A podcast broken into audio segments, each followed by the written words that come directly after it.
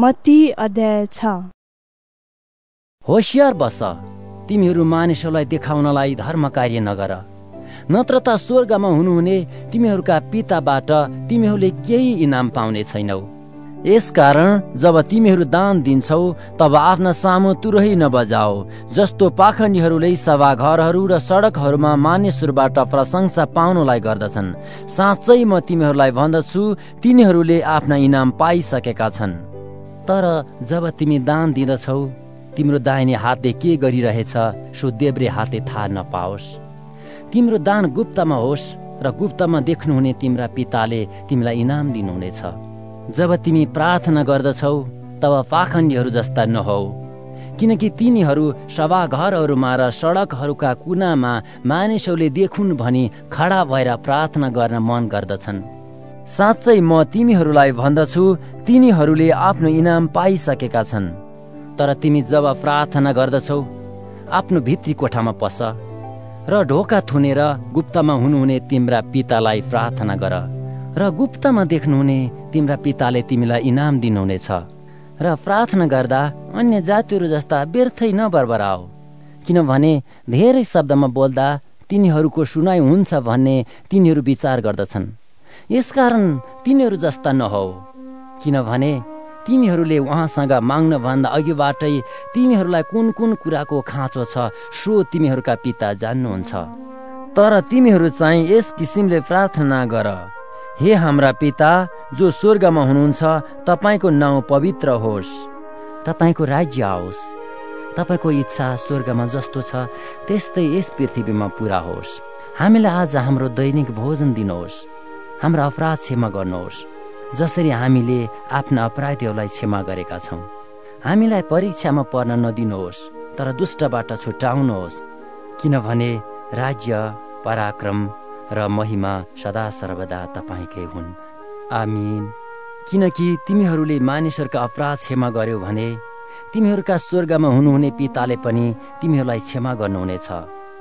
तर तिमीहरूले मानिसहरूका अपराध क्षमा गरेनौ भने तिमीहरूका पिताले तिमीहरूका अपराध क्षमा गर्नुहुने छैन।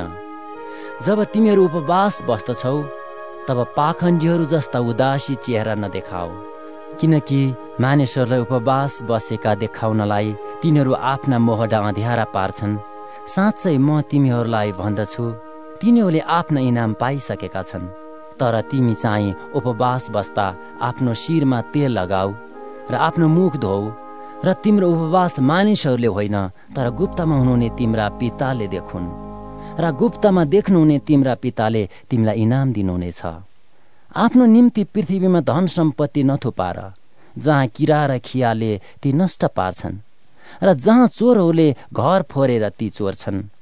तर आफ्नो निम्ति स्वर्गमा धन सम्पत्ति थुपार जहाँ किराले वा खियाले नष्ट पार्दैन र चोरले पनि चोर्दैन। किनकि जहाँ तिम्रो धन हुन्छ त्यहीँ तिम्रो मन पनि हुन्छ। आँखा शरीरको बत्ती हो। यसकारण यदि तिम्रा आँखा स्वस्थ छन् भने तिम्रो सारा शरीर उज्यालो हुनेछ। तर तिम्रा आँखा खराब छन् भने तिम्रो सारा शरीर अँध्यारो हुनेछ। यसकारण तिमी भित्र भएको उज्यालो चाहिँ अँध्यारो भयो भने त्यो अँध्यारो कस्तो घोर हुन्छ। कसैले दुई मालिकको सेवा गर्न सक्दैन। किनभने त्यसले एउटालाई घृणा गर्नेछ र अर्कालाई प्रेम गर्नेछ अथवा त्यसले एउटा प्रति भक्ति राख्नेछ र अर्कालाई त्यसले तुच्छ ठान्नेछ। तिमीहरूले परमेश्वर र धनको सेवा गर्न सक्दैनौ। यसै कारण म तिमीहरूलाई भन्दछु के खाउँला के पिउँला भनी आफ्नो प्राणको निम्ति र के लगाउँला भनी आफ्नो शरीरको निम्ति फिक्री नगर। के जीवन खानेकुरा भन्दा र शरीर लुगाफाटा भन्दा उत्तम होइन? आकाशका चराचुरुङ्गीलाई हेर। तिनीहरूले न त बिउ छर्छन् न अन्न कटनी गर्छन् न भकारीमा बटुल्छन् तर तिमीहरूका स्वर्गका पिताले तिनीहरूलाई खुवाउनुहुन्छ। के तिमीहरू तिनीहरू भन्दा बढी मूल्यवान छैनौ र?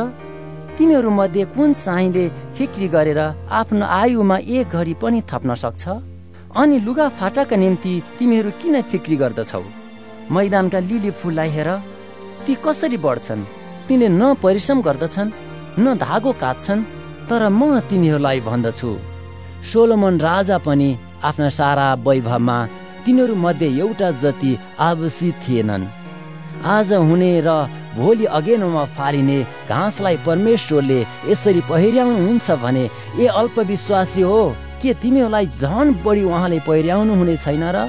यसकारण के खाउँला कि के पिउँला कि के पहिरौँला भनेर फिक्री नगर।